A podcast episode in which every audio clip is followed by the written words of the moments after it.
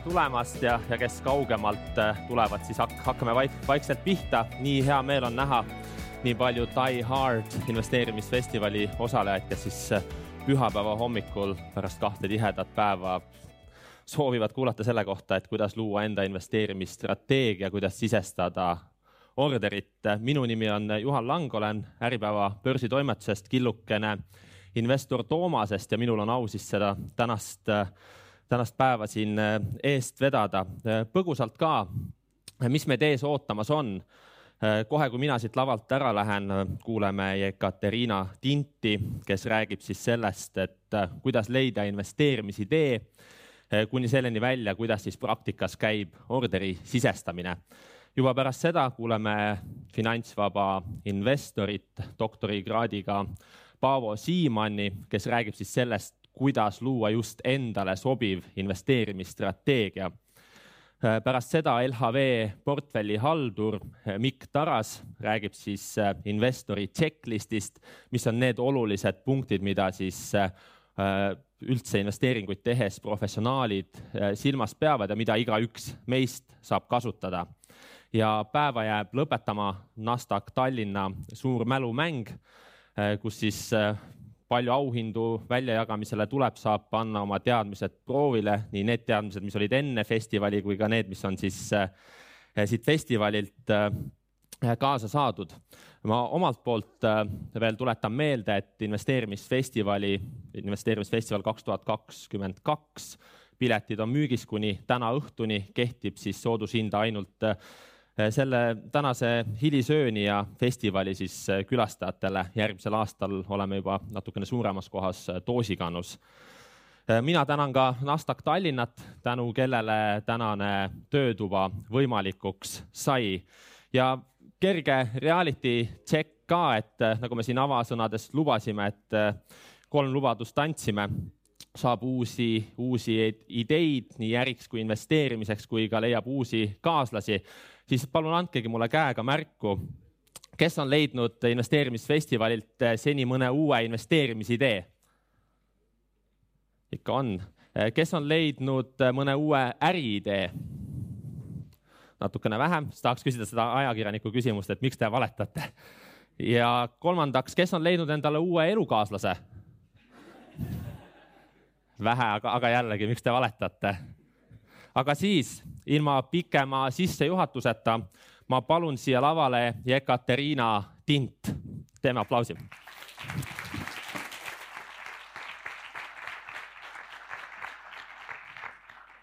tere hommikust äh,. väga hea, et Juhan juba küsis, et kas ideesid on palju. ma küsiks, et äh, mitu ideed teil korraga peas on praegu? üks, vähemalt üks?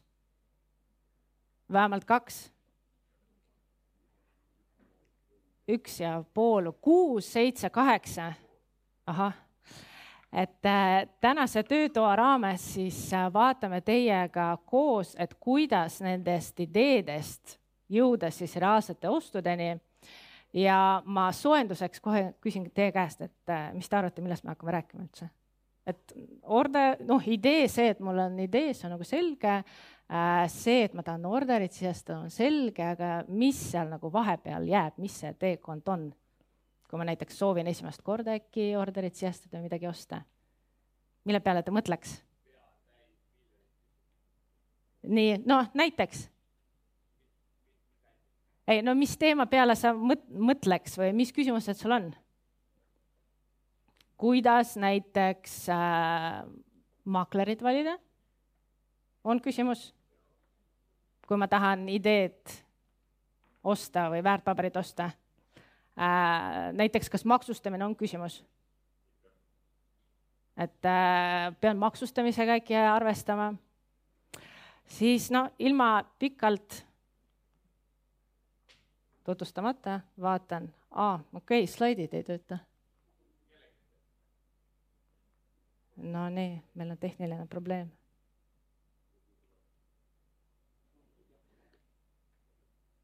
töötavad. nii äh,, siis täna räägime sellest teekonnast ja põhimõtteliselt, mis selle teekonna sisse jääb, ongi see, et number üks on ideed ees kirja panna siis vaatame, räägime makleri valikust, siis räägime ka maksustamisest, sellega tasuks ikka ka nagu arvestada ja siis vaatame koos läbi, kuidas siis seda orderit sisestada. LHV näitel võtame ette. ja alustuseks, mis asi on investeerimistees? kas keegi on endale investeerimisidee proovinud kirja panna? nagu et näiteks soovin investeerida, äh, eile oli hea idee, et äh, no näiteks Indiasse või krüptosse. keegi on üritanud panna, et põhimõtteliselt investeerimistees ongi see idee kirjeldus, et sellest võiks olla arusaadav, miks investor sinna raha soovib paigutada Äh, mis on need plussid, mis on äh, riskid ja mida investor ootab. ja investeerimisteesi puhul, noh, tunnistame ausalt, mitte kõik ei pane seda kirja loomulikult, mõnikord äh, investeerimisteesid jäävad peas mõnikord pannakse neid kirja nagu tagasiulatuvalt aga on investeerimisteesi alati hea kirjalikult endale kirja panna sest äh, no esiteks, kui sa hakkad niimoodi nagu loogikat üles ehitama, siis sisuliselt sa hakkad ennast veenma. ja ma tunnistan ausalt, minu praktikas on olnud see, et ma hakkasin nagu endale no struktureeritult niimoodi investeerimisteesi kirja panema, hakkasin näiteks riskide peale mõtlema ja ju lõpuks nagu mõtlesin, et, mm, et äkki nagu ikka ei sobi see minu portfelli. Et äh, see struktureeritud mõtlemine aitab just kaaluda neid plusse ja miinuseid ja lõpuks nagu otsust ka teha. ja pluss, kui on näiteks olemas investeerimissõber, siis hiljem saab teisi temaga jagada, äkki veel mõtteid koguda äh,, positiivset äh, kriitikat äkki saada, nagu öeldud. ja siis veel, miks on just kirjapanek hea, on see, et kui mul on see asi kirjas siis äh, ma olen seda enda jaoks läbi mõelnud, siis tulevikus arvatavasti ma oskan juba kiiremini neid otsuseid teha. et kas see investeering sobib mulle või millal ta näiteks enam ei sobi. või näiteks, kui tuleb kriis, et äh, noh, mis ma selle investeeringu teen, sest investeerimisteesi kirjutamise raames võib juba seda ka läbi mõelda enda jaoks. ja seega tulevikus siis saab äh, teha otsuseid nagu kindlamalt ka. ja lõpuks noh hea võib harjutada distsipliini, et äh, ja süsteemsust, et äh, see distsipliin ja süsteemsust aitab äh, noh, elus ikka ja investeerimis alati, et kui mul on isiklikult kindel sisuliselt süsteem välja töötatud, kuidas ma siis enda ideed analüüsin mul on kindel plaan siis ma järgin seda ja see aitab mul tegelikult paremaid otsuseid vastu võtta ja investeerimisteesi kohta no ei ole mingit kindlat äh, valemit või kindlat formaati äh,. mõni paneb endale investeerimisteesi sisuliselt noh, lihtsalt Excelis kirja ja mul on isiklikult ka nagu üks Excel, kus mul on nii pere-eelarve ühel lehel investeerimisteesid, teisel lehel, kolmandal lehel äh, mingid ettevõtte numbrid äh,. mõni paneb investeerimisteesi endale äkki Wordi mõni paneb bullet point idena, selles mõttes kindlat formaati ei ole, aga mis on äh, hea endale läbi mõelda, noh, esiteks võib loomulikult kirja panna, millesse ma soovin investeerida, äh, mis on see ettevõte, mis on see tikker, kuidas ma saan siis orderit äh, sisestada, mis sümboliga. Võib panna endale kirja kauplemisvaluuta, kauplemisvaluuta muutub oluliseks siis, kui ma hakkan reaalselt orderit sisestama keegi paneb endale sektorit või riiki näiteks, mingi lühikirjeldus, et oleks nagu kohe nagu silma ees ja näha.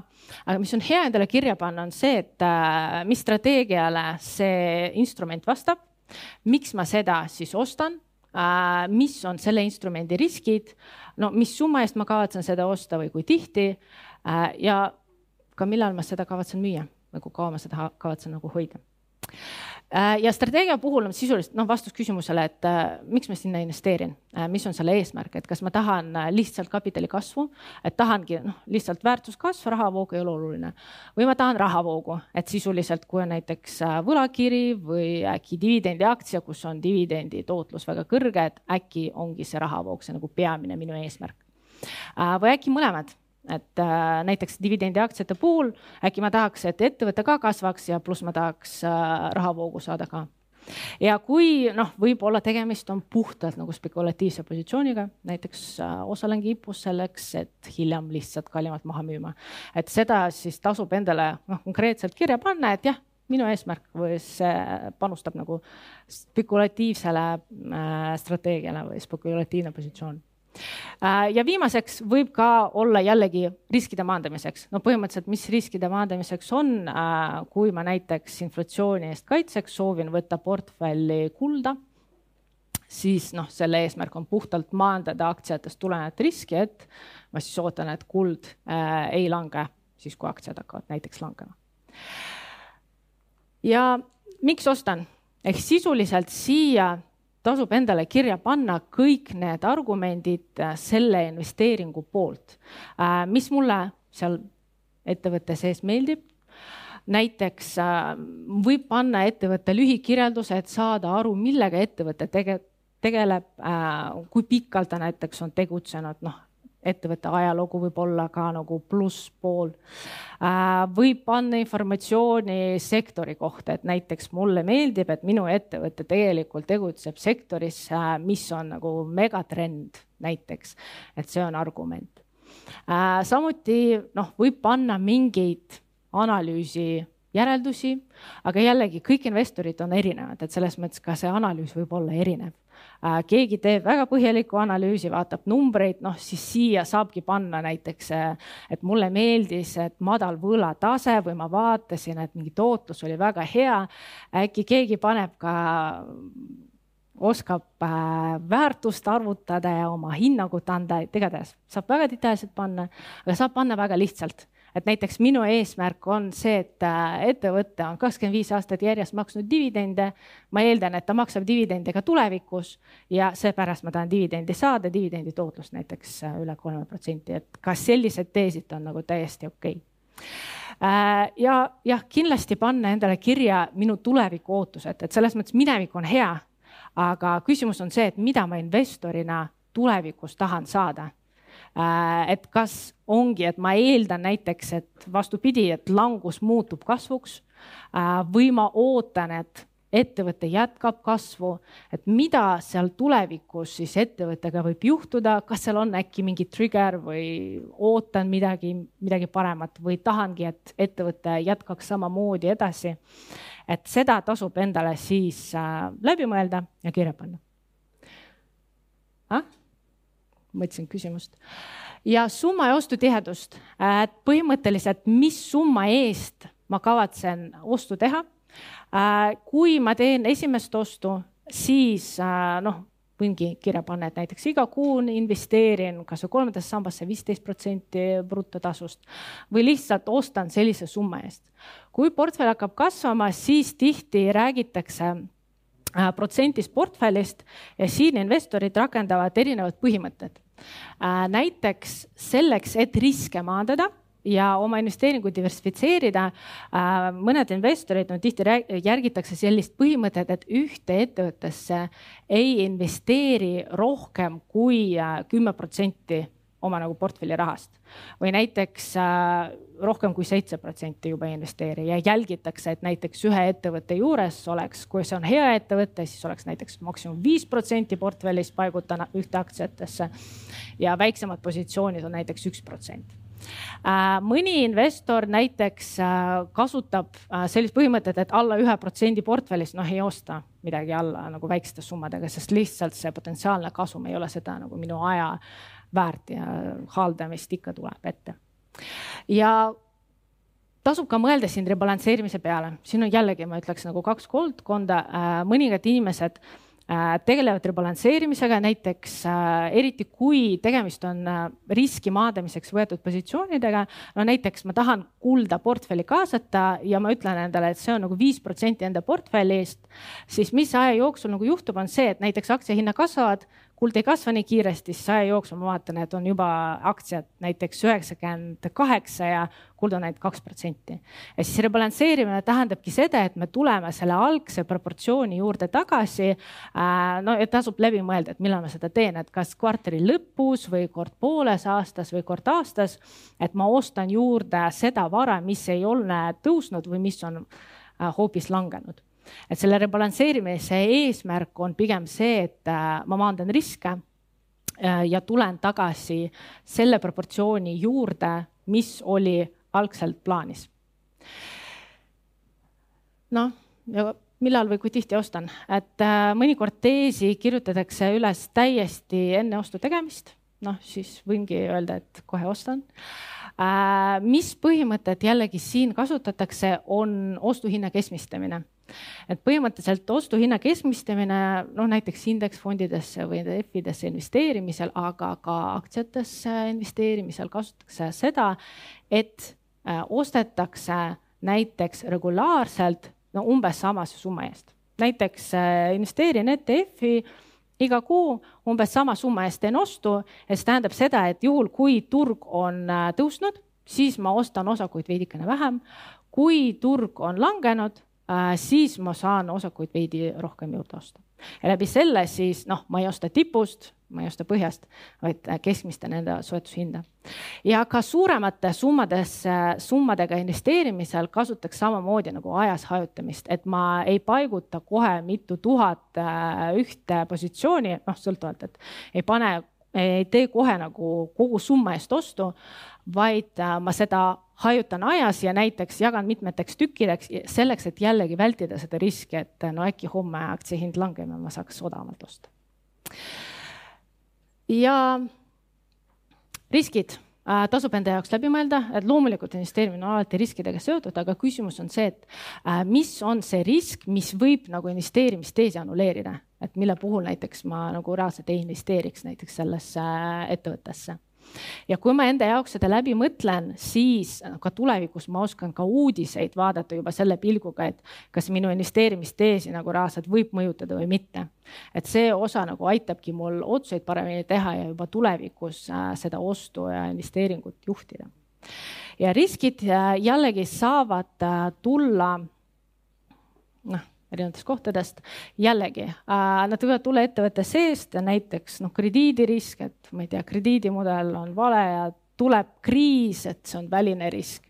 ja siis näiteks ettevõte ei suuda võlga tasuda Äh, või näiteks, kui minu investeerimistees on see, et ettevõte kiiresti laieneb uutele turgudele, aga noh, risk võib olla selles, et ta ei leia endale seda partnerit, läbi keda siis uutele turgude siseneda või hoopis konkurent näiteks jõuab enne, noh, siis see on risk, mida tasuks endale läbi mõelda ja kirja panna. ja pluss siin mina näiteks mõtlen ka läbi, et kui tuleb kriis, et mis ma siis teen, et kas ma hoian pigem nagu võiks osta juurde, on ju, odavamalt. Äh, või mida ma tegelikult vaatan. et mis näitajaid ma näiteks vaatan selleks, et aru saada, et kas ma nagu pigem hoian või müün või kuidas ma tegutsen. et äh, see aitas noh, kriisi ajal ka nagu koheselt kiiremini neid otsuseid vastu võtta ja riskide puhul keegi paneb riskid nagu subjektiivselt ühest kümneni nagu paneb äh, hindena kirja. Äh,. mida võiks teha, on ka vaadata minevikku, et näiteks kriiside ajal, no kaks tuhat kaheksa kuni kümme näiteks vaadata äh,, kui sügavalt on äh, aktsia hind või äh, ETF-i hind langenud ja kui kiiresti ta taastus. Noh, mis siis nagu ettevõttes äh, toimis, et aru saada, noh, kuidas kriiside ajal võib see olukord siis välja näha ja millal müün? võiks seda ka nagu läbi mõelda äh,. loomulikult noh, mis investor tahab hoida häid ettevõtteid igavesti, aga ikkagi võib olla ju olukordi, kus äh, noh, tasub seda investeeringut maha müüa. ja näiteks kui see investeering lihtsalt ei vasta enam teisele. Äh, näiteks kui ma ostsin dividendi aristokraati ja minu ootus oli see, et ma iga aasta saan dividendi, mis kasvab vähemalt näiteks kolm protsenti aastas. Äh, kui selline on investeerimistees ja kui ettevõte muudab oma äh, dividendi strateegiat või dividendi poliitikat ja otsustab, et nüüd hakkame laienema, et dividendide rohkem ei saa, no siis jällegi see investeerimistees minu jaoks enam nagu ei kehti või siis, kui mini, mingi, mingi risk realiseerub, et jällegi, et mis riski realiseerumise puhul näiteks see investeerimisteese kehtiks, millal ma seda müüks. või kui eksin analüüsiga mis on ka nagu täiesti tavaline. Äh, üks risk tegelikult võibki investoril tulla, on see, et kui ma ei tee piisavalt äh, näiteks analüüsi, no ei vaadanud numbreid. Äh, saangi investeerimisteesi kirja panna näiteks, et idee tuli sellelt inimeselt, et ta ütles, et see on hea ja peab kõvasti kasvama. üheks riskiks võibki olla see, et ma ise ei sukeldunud sellesse, et ma tegelikult noh, päris lõpuni ei tea, mis seal numbrid võivad olla seda võib endale riskina kirja panna ja siis millal ma müün, noh, võibki olla see, et ma müün siis, kui selgub, et asjad hoopis teistmoodi. minu praktikas on jällegi olnud see olukord, et äh, näiteks vaatasin minevikku, äh, oli väga hea ettevõte, kasvas kiiresti, maksis dividende. mis oli risk, oli see, et keelebarjäär oli, aruandlus ei olnud inglise keeles no siis ma teadsin seda, et ma ei viitsi nagu seda aruandlust endale hispaania keelest nagu inglise keelde arvatavasti tõlkida, uudiseid ka eriti ei olnud ja ma ei leidnud eriti analüütikuid, kes nagu midagi kirjutaks internetis, Google'ist nagu mitte midagi sealt ettevõtte kohta välja ei tulnud, aga noh, minek oli hea, tulevik nagu võiks hea olla. Äh,. aga noh, hiljem tagasiulatuvalt sain teada, leidsin ühe analüütiku ja siis oligi see prognoos, et äh, tegelikult mingil põhjusel kasvu ei tule ja minu tees oli see, et ma tahtsin kasvu ja dividende saada, siis tunnistasin, eksisin, müüsin positsiooni maha, et peatada seda siis äh, kahjumit. Või nagu ei oota enam seda, et äkki see positsioon muutub äh, mulle atraktiivseks või äkki see hakkab kasvama et äh, selles mõttes see teesi läbikirjutamine ja läbimõtlemine aitab konkreetselt struktureerida seda mõtet, et ma ei hakka nagu hoidma need ettevõtted igavesti. et ma ei hakka ühest teesist teist teesi nagu äh, tegema enda peas, vaid mul on nagu väga selge kirjas, miks ma ostan ja ma tegutsen väga kiiresti ja väga selgelt. et äh, minu jaoks on see nagu pluss ja investorite jaoks äh, jällegi aitab paremaid otsuseid vastu võtta ja nüüd äh, ma pakun teha praktilist harjutust. Teil on kindlasti mõni idee peas olemas või teil on äh, äkki juba ostud tehtud. äkki olete mõelnud, miks te neid ostud äh, olete teinud, aga praegu võtame viis minutit aega ja saate endale kasvõi telefoni sisse või kellel on märkmikud paneme lühidalt kirja investeerimisteesi, et põhimõtteliselt, millesse ma investeerin või tahan investeerida või olen juba investeerinud. Äh, mis on see strateegia, kapitali kasv, äh, rahavoog, mõlemad, spekulatsioon või riskide maandamine. Äh, miks ma seda ostan, mis on need põhiargumendid, mis mulle selle ettevõtte juures näiteks meeldisid, plussid. praegu ei pea mingit numbrit kirja panema, et internetilevi ei ole, ei pea sügavat analüüsi tegema. mis on see risk, mis on need peamised riskid ja siis summad ostuteadust läbi mõelda ja millal müün. Äh, muide, äh, millal müün kohta, mul on näiteks täiesti alguses võibki kirja panna, et ei kavatse müüa, et tahan maha müüa vaid siis, kui äh, raha läheb vaja või lähen pensionile, et ideaalis buy and hold näiteks saab ka niimoodi kirja panna. võtame nüüd viis minutit aega ja saate endale ühe teesi praktikas ka reaalselt kirja panna. kas on mõni inimene, kes soovib enda investeerimisteesi teistega jagada? summat ei pea jagama. julgelt. palun. mikro, jah. okei okay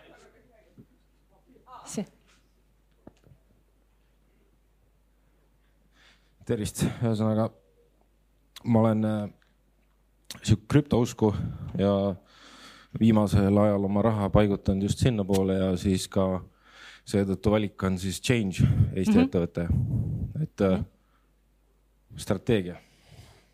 mis strateegiale vastab? kasv mm -hmm. ehk siis iduettevõte algfaasis. Äh, ühesõnaga, oota miks ostan? lihtne, globaalne megatrend. esimene, millest räägiti ka eile mm. -hmm. riskid. Chains, meeskond ebaõnnestub näiteks, et mm. -hmm. midagi juhtub krüptomaailmas, midagi väga katastroofilist, ma ei kujuta ette. summa ostutihedus on äh, peale seda, mis ma nüüd siin natuke aega tagasi kuulsin, siis võib-olla mõistlik hajutada jah, aga ma arvan, et ma ei tee seda, vaid vaid ostan äh, esimesel võimalusel all in jah, sisuliselt, et kuna mul vanust on vähe veel, et äh, mul all in ei, ei tee väga liiga, et kui isegi, kui selle kõik kaotan. ja millal müün? Umbes viie aasta pärast miks?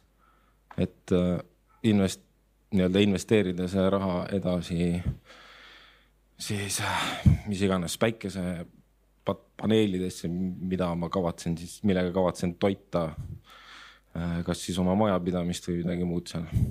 ühesõnaga mõtted sellised. okei okay,, väga hea, et selles mõttes konkreetselt viie aasta pärast kohe müüd või vaatad midagi veel? no see viis aastat on selline, et see natukene oleneb kas selleks hetkeks on ka kinnisvara olemas? aa, vot, ka hea endale kirja panna, mis tingimusel siis ja, on tingimused, hea. et neid tingimusi on veel jah, aga ma arvan, et see võiks jääda sinnakanti. väga hea, niimoodi nii lihtsalt saabki kirja panna. kas keegi on midagi täiendada, rääkida, palun? ja äh,, panin kirja FTI fondi. Äh, strateegia ostan ja hoian või siis noh äh, püüan kasu saada kasvust ja dividendist äh,. miks osta, on ettevõttel on pikaajaline track record äh,, stabiilselt kasvab, maksab dividendi äh,. hetkel kinnisvara hinnad on rallinud, aga see ei peegeldunud nende kinnisvarafondide hindades, ei mm -hmm. Baltic Horizon ega Eften ja lisaks Eften hiljuti märkis ka aktsiaid, mida märgiti mitmekordselt üle, et, et teised usuvad ka riskid on äh, liikumispiirangud, järjekordsed, et mm -hmm. need võivad meie elu äh, mõjutada, ütleme nii. ja summa hoian siis kinnisvarafondidest kuskil viis kuni seitse protsenti portfellist, et kui portfell kasvab, siis ostan juurde mm. -hmm. ja hetkel ei kavatse müüa. aga millal müüksid äh...? Millal või äh, siin muidu investeerimistehingu? hetkel äh, siis, kui leiduks äh, mõni parem investeering, et reedel vist räägiti, et, et pigem eelkõige leia see uus investeering ja siis müü maha ja siis osta, kui see, et okei okay,, müün maha ja siis hakkan otsima, et. Jah, et see on täiesti nagu üks põhjus, et kui ma leian midagi paremat, muudan enda strateegiat näiteks teadlikult. väga hea kas keegi tahab midagi lisada Efteni kohta? Eftenil on ka noh, kriisist tulenevad riskid, äh, aga plusse on ka väga palju. kas tegi, keegi tahab veel, jõuab ühe teisi veel jagada? liigume edasi. kui on teesist, tees on kirjas, idee on olemas, läbimõeldud, tahan osta. mida ma järgmisena teen? mida teie järgmisena teeksite? reaalselt idee olemas, mis järgmine samm? julgelt ah?? ostad, lähed, orderid kohe sisestama?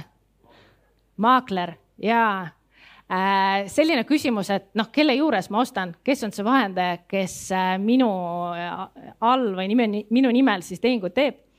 ja maakleri juures äh, noh number üks kriteerium, et tegemist võiks olla usaldusväärse maakleriga, et ta võiks olla teiste investorite poolt nagu ära testitud, kellega ei ole probleeme. ja loomulikult võiks maakler olla mugav, äh, näiteks aruandlus, eestikeelne support, äh, see, et ma saan oma küsimustele vastused kiiresti, äh, see, et mul on lihtne kasutada, ei ole keeruline. et see on ka nagu oleks hea, mugavus on oluline. ja samas noh, teiselt poolt on teenustasud ehk tegelikult see teine oluline kriteerium ongi see, et teenustasud, kui palju maakler vaat-, võtab esiteks äh, tehingu äh, komisjonitasusid, kas on haldustasusid, mingi protsendina portfellist või mingi fikseeritud tasusid, valuutavahetus, palju see maksab? raha ülekandmine, kas see maksab tasuta, mida võetakse? et seda tasub vaadata ja siis maakleri valikul saabki nagu neid asju kaaluda, et mugavus versus teenustasud. noh, meil on hea see, et usaldusväärsus ja mugavus on, kohalikud pangad on number üks asi, mille poole vaadata. ja Balti börsilt äh, osta väärtpabereid kahes pangas saab tasuta, LHV, Swedbank, et sisuliselt ma ei pea üldse nagu mõtlema selle peale, et ma võin ka ühe aktsia osta. et teenustasude osas siin kehtib see reegel või sihuke rusikareegel, et selleks, et teenustasu oleks mõistlik äh,, tasuks vaadata, et see jääks seal alla ühe protsendi tehingu väärtusest. et põhimõtteliselt, kui maakler võtab tehingutasuna kolm eurot, siis võiks nagu ostu kolmesaja euro eest teha. aga samas, kui tehingutasu on nagu üheksa eurot, noh seal tasub juba vaadata, et võib-olla tasuks suuremat summat panustada. lihtsalt, et see teenustasu nagu ei sööks liiga suurt osa äh, minu väärtusest. ja jällegi kohalikes pankades on hea väärtpabereid, Balti väärtpabereid saab tasuta osta ja ka hoida äh, haldustasu ei rakendu seal seni, kuni portfell on äh, mitmeks kümneks tuhandeks kasvanud samas välis äh, väärtpaberite puhul, et kui ma soovin näiteks osta väärtpaberit USA-st, noh, siis teenustasud meie kohalikes pankades kahjuks hakkavad suureks minema äh,, üheksa eurot ja pluss. Et siin mõningad inimesed hakkavadki vaatama välismaakleri poole, aga välismaakleri poole puhul on jällegi mugavus ja odavad teenustasud versus kohalikud pangad, kus on teenustasud võib-olla suuremad, et kaalumiskoht. Ja kui ma olen maaklerid välja valinud, siis väärtpaberikonto äh,. tihti on küsimus see, et mis see väärtpaberikonto on. sisuliselt tegemist on eraldi kontoga, kus hoitakse arvestust väärtpaberite kohta, seal on reaalselt teie nimi äh,, väärtpaberite nimetus, mitu väärtpaberit on ja see väärtpaberikonto on seotud siis mingi arvelduskontoga. arvelduskontolt võetakse siis raha selleks, et väärtpaberit osta ja väärtpaberikontol peetakse arvestust puhtalt väärtpaberite äh, arvu osas. Ja Eesti kohalikud äh, pangad, nemad siis on kohustatud avama äh, teie nimel väärtpaberikontot Eesti väärtpaberite registrist, kui soovite Balti börsilt midagi osta. kui soov on osta välisaktsiaid, siis nad avavad tavaliselt nagu pangasisese väärtpaberikonto, aga mõnes pangas isegi noh, see käib nagu märkamatult. ja järgmisena Äh, tasub mõelda maksustamisele tõesti tasub, et kahjuks see aasta minuni on jõudnud nagu täiesti mitmu, mitu inimest, äh, kes on avastanud, et oi, ma oleks pidanud äh, kasutama investeerimiskontot. aga nad ostul ei kasutanud seda, et sisuliselt, mis see asi investeerimiskonto on? investeerimiskonto ei ole väärtpaberikonto investeerimiskonto mõiste tuleb meil lihtsalt tulumaksuseadusest ja see on see konto, mille alt ma teen investeeringuid ja mida ma deklareerin ja ütlen Maksuametile minu füüsilise isiku deklaratsioonis, nii, see arvelduskonto on minu investeerimiskonto. ja kui ma olen selle süsteemiga liitunud, et sisuliselt deklareerin Maksuametile, siis äh, ma saan tulumaksukohustust edasi lükata. no millal investoril tulumaksukohustus tekib? siis, kui ma väärtpabereid hakkan müüma, siis äh, kui ma müün neid kasumiga, kasumi pealt kakskümmend protsenti tulumaksu äh,. eraisikuna investeerides tuleb maksta, tehing deklareerida ja siis äh, maks arvestatakse. juhul, kui ma kasutan investeerimiskonto süsteemi, siis ma deklareerin Maksuametile, et jah, see on minu arvelduskonto, kasutan seda investeerimiskontoks. ostud teen selle investeerimiskonto vahendite arvelt, ostan väärtpabereid ja Maksuametile ei näita ostutehinguid, ei näita müügitehinguid, vaid ma Maksuametile deklareerin seda, et kandsin investeerimiskontole seda summat sellisel kuupäeval ja deklareerin ka seda, et kandsin investeerimiskontolt välja sellise summa sellel kuupäeval. ja sisuliselt siis, kui ma hakkan investeerimiskontolt seda kasumit välja võtma, siis tekib tulumaksukohustus et põhimõtteliselt investeerimiskontot äh, alati tasub kasutada, kui see on võimalik, kui te investeerite eraisikuna selleks, et investeerimine oleks maksuefektiivne. ja samas siin äh, investeerimiskontoga tasub nagu paar nüanssi arvestada. Äh, üks on see, et investeerimiskonto alt saab investeerida peamiselt siis börsil kaubeldavatesse väärtpaberitesse. põhimõtteliselt Funderbeami ma ei saa investeerida investeerimiskonto alt. kui ma seda ostu teen, siis see on juba väljamakse. Äh, ühisrahastusse, kui ma kannan investeerimiskontolt ühisrahastuse raha Mintusesse, see on väljamakse, mida tuleb, tuleb deklareerida. kahjuks ei saa.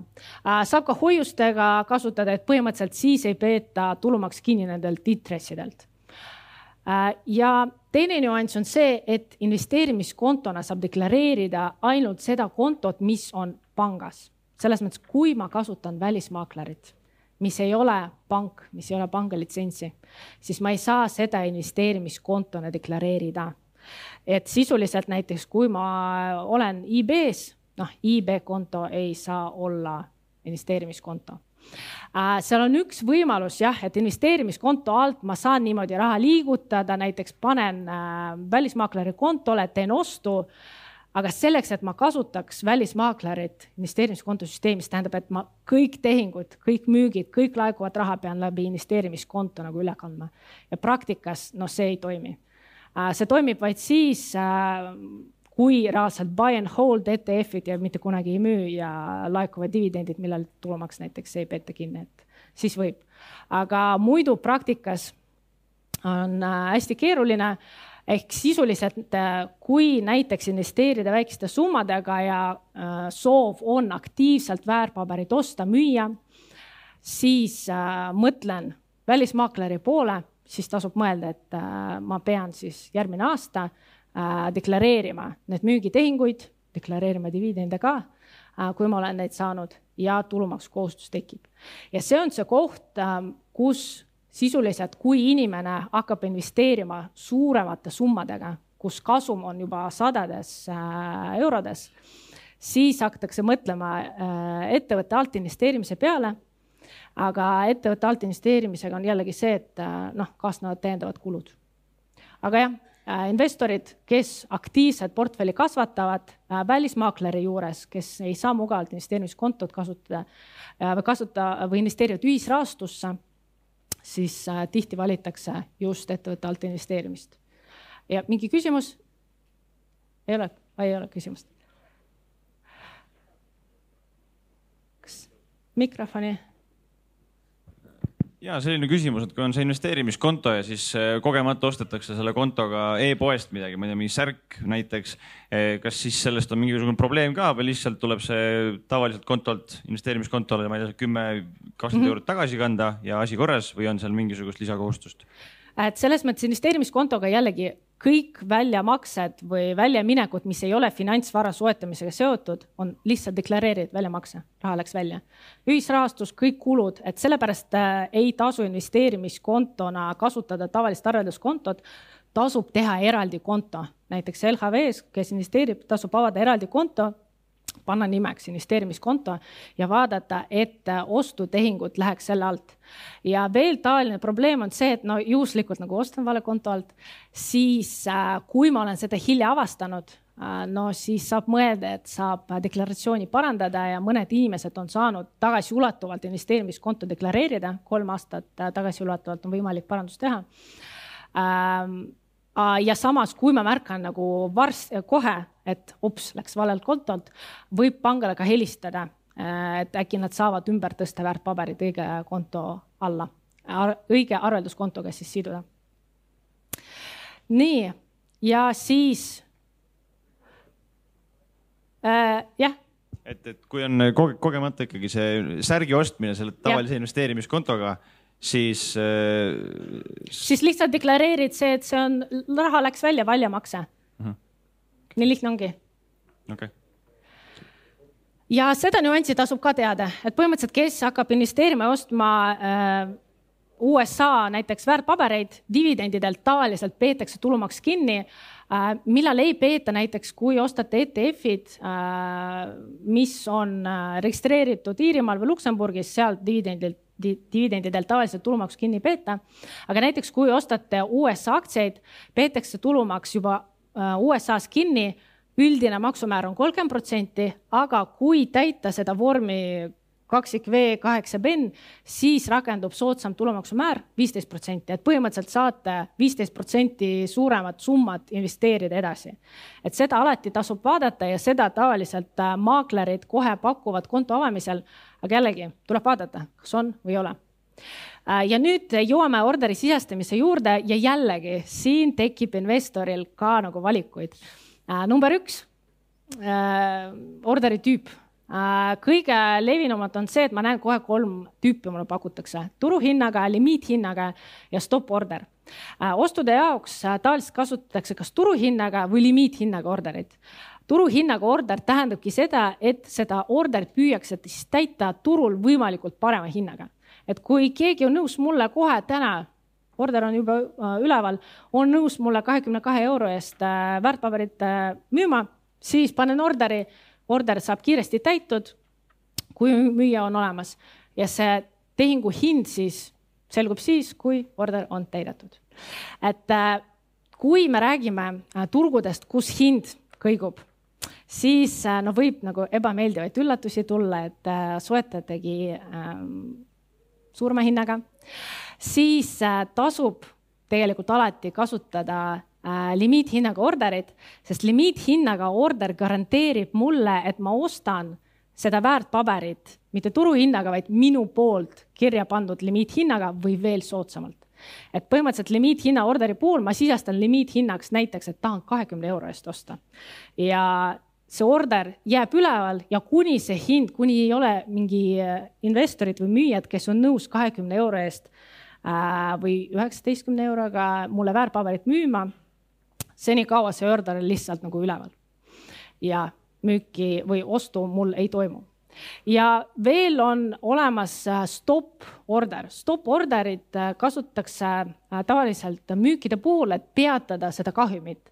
et põhimõtteliselt stop orderi puhul ma kirjutan seda stop hinda ja juhul, kui noh, soetasin seda väärtpaberit Äh, panin äh, stop orderi äh, hinnaks viisteist, kui väärtpaberi hind langeb viieteistkümnenda või neljateistkümnenda euro peale, siis mu order täidetakse turuhinnaga, ta muutub turuhinnaga orderiks ja siis müün maha. no seda tavaliselt kasutatakse näiteks noh, kauplemises, kes tahavad kahjumit peatada. samas, kui on buy and hold positsioon, küsimus, kas kasutada või mitte, et sellised jõnksud mõnikord turul ikka nagu käivad kui on mingid uudised. nii, ja kehtivus ehk sisuliselt jällegi mul on valikuvõimalus äh,, tavaliselt on neid kaks, pakutakse vähemalt kaks äh,. päeva lõpuni, mis tähendab börsipäeva lõpuni äh,. meil Balti börs on lahti kella kümnest kella neljani panen orderi täna, siis üritatakse seda orderit täita kuni esmaspäeva kella neljani või võin ka valida seda, et tühistamiseni. reaalselt selline order nagu ta noh, ei ole lõpmatuseni, vaid tavaliselt seda order äh, maakler tühistab seda järgmise kvartali lõpus ehk sisuliselt senikaua ta on üleval ja ootab täitmist et põhimõtteliselt selline olukord, et näiteks ma ootan nagu odavamat hinda, ei taha kohe all in minna, vaid ma nagu pigem ootan, et äkki tuleb mingi uudis, hea väärtpaberit tahan osta. praegu on seal kahekümne kolme euro juures, aga noh, kahekümnega tahaks osta võin panna limiithinnaga orderid, kakskümmend eurot on limiithind, panna tühistamiseni ja siis see order jääb üles mitte ainult esmaspäeval, teisipäeval ja kuni siis selle reaalse tühistamiseni paar kvartalit äh,. kuni keegi on nõus mulle äkki kahekümne euroga seda väärtpaberit müüma. ja veel tasub teada äh,, orderi sisestamine käib kauplemisvaluutas no Balti börsi puhul nagu ei ole probleemi, eurod, aga siis, kui ma näiteks ostan ETF-e või ostan välisväärtpabereid, noh siis tasub tegelikult enne vaadata, mis see kauplemisvaluuta on äh,. erinevatel börsidel äh, võib olla kauplemisvaluuta erinev ja seal veel tekib küsimus, et kas ma pean ise valuutat vahetama või maakler teeb seda ise äh,. tihti tehakse automaatselt, aga mõningate maaklerite puhul näiteks CB-s tuleb ise valuutavahetust teha, juhul kui me ei soovi näiteks laenu võtta. ja vaatame nüüd koos läbi, kuidas see orderi sisestamine käib.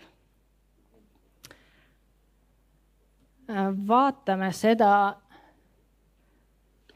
nii, LHV näitel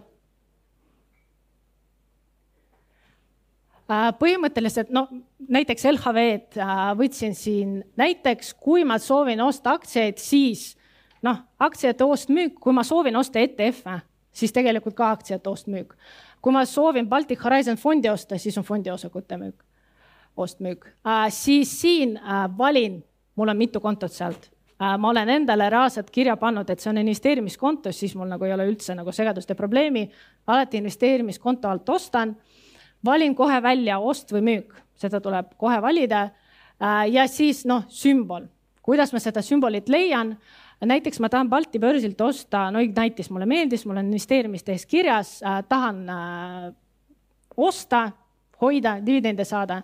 NASDAQ-Baltic.com, vaatan nii Ignitis Group, IGN üks L kakskümmend üks, kolmkümmend viis oli viimane hind vaatan, mis see hind teeb, ahah, noh, kakskümmend üks koma kolmega äkki keegi on nõus esmaspäeval müüma või äkki isegi kahekümne ühe euroga, kahekümne viie sendiga, aga noh, tahaks osta, hakkan orderit sisestama, sisestan sümbolid, siis LHV-s on väga hea, et ta kohe tegelikult ka nime järgi pakub seda valikut.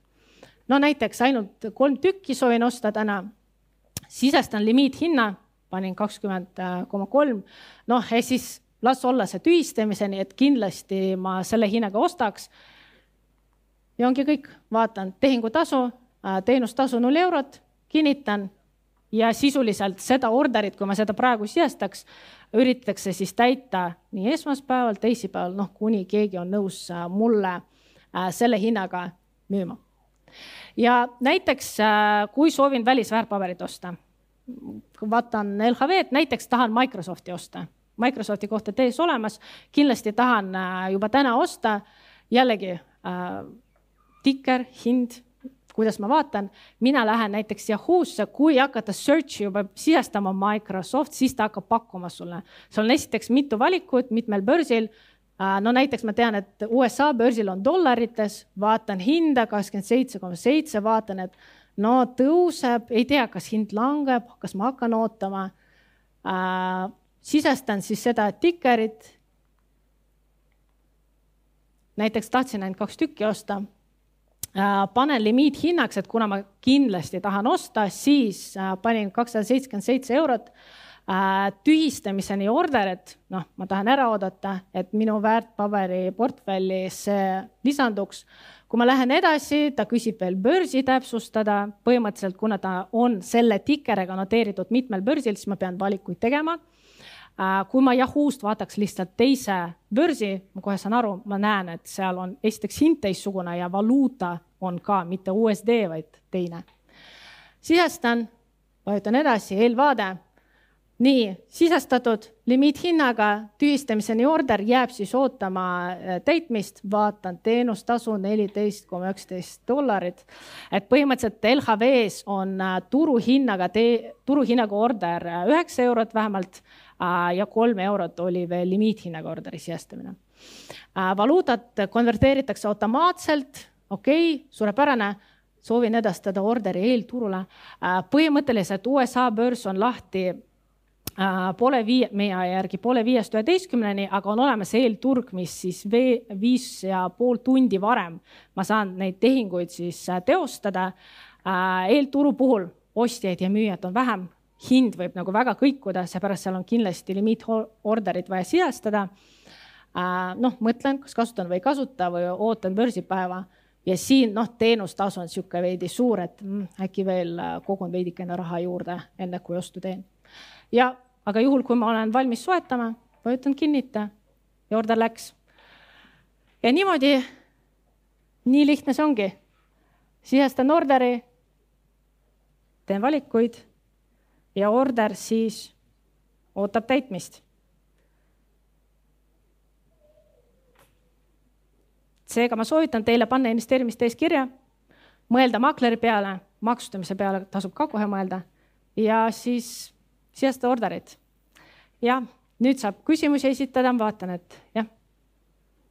mida selle äh, börsi valikul peaks äh, arvestama, et on valin mingi suvalise sealt või mida peaks nagu jälgima? no tavaliselt on äh, mitmel börsil esiteks kauplemisvaluutas, seal võib olla küsimus vahetustasudes, et äh, kui me peame valuutat vahetama, siis äh, seal läheb raha ka kaduma äh,. kodubörsil tavaliselt on äh, turg likviidsem, see tähendab, seal on rohkem ostjaid-müüjaid, ma saan kiiremini tehingut teostada.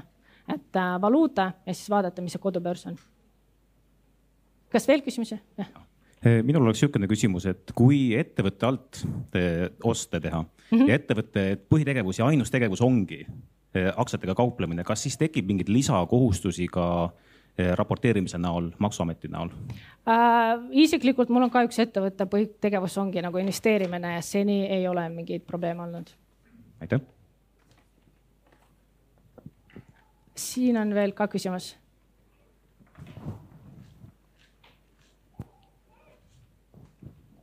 ma tahtsin küsida, et äh, mis oleks portfelli väärtus, millega võiks ettevõtte alla kolida? Äh, no jällegi tasub arvestada seda, et ettevõtte raamatupidamine sada eurot pluss, äh, leikood on vaja ettevõttel, see on ka viiskümmend eurot pluss, et sinu potentsiaalselt teenitav kasum peaks seda vähemalt ära katma. mõtlegi, et mul on ettevõte nagu olemas, aga praegu ma investeerin eraisiku alt, et nagu et ja. kui suur mu portfell võiks olla, et ma hakkaks siis nagu. et äh, no seal on veel küsimus, et ettevõtte alt investeeritakse mõnikord ka sellepärast, et ma saan seda maksueelset tulu juba investeerima. et ma ei pea endale nagu palka välja maksma, vaid ma saangi nagu koheselt enne tulumaksu ja sotsiaalmaksu näiteks investeeringut teha äh,. siis mõnikord kaalutakse ka nagu ettevõtte alt investeerimisega äh, või teine variant on see, et kui sa mõtled, et mul on olemas portfell juba nagu käes suur, no tuhat mõni, mõned tuhanded ikka nagu peaks olema vähemalt selleks, et ta oleks äh,, kataks neid, potentsiaalne kasum kataks neid kulusid. et sisuliselt väikeste summadega jah, eraisiku alt no võib tegutseda, lihtsalt see tulumaksukohustus äh, tuleb tulumaksu tasuda, kui see kohustus tekib äh,. aga ettevõtte alla jah, kunagi, kui portfell on juba suuremaks kasvanud, siis ka mõte kolida suur tänu, investor, rahatarkuse coach Jekaterina Tint ja aplaus. Sulle. aitäh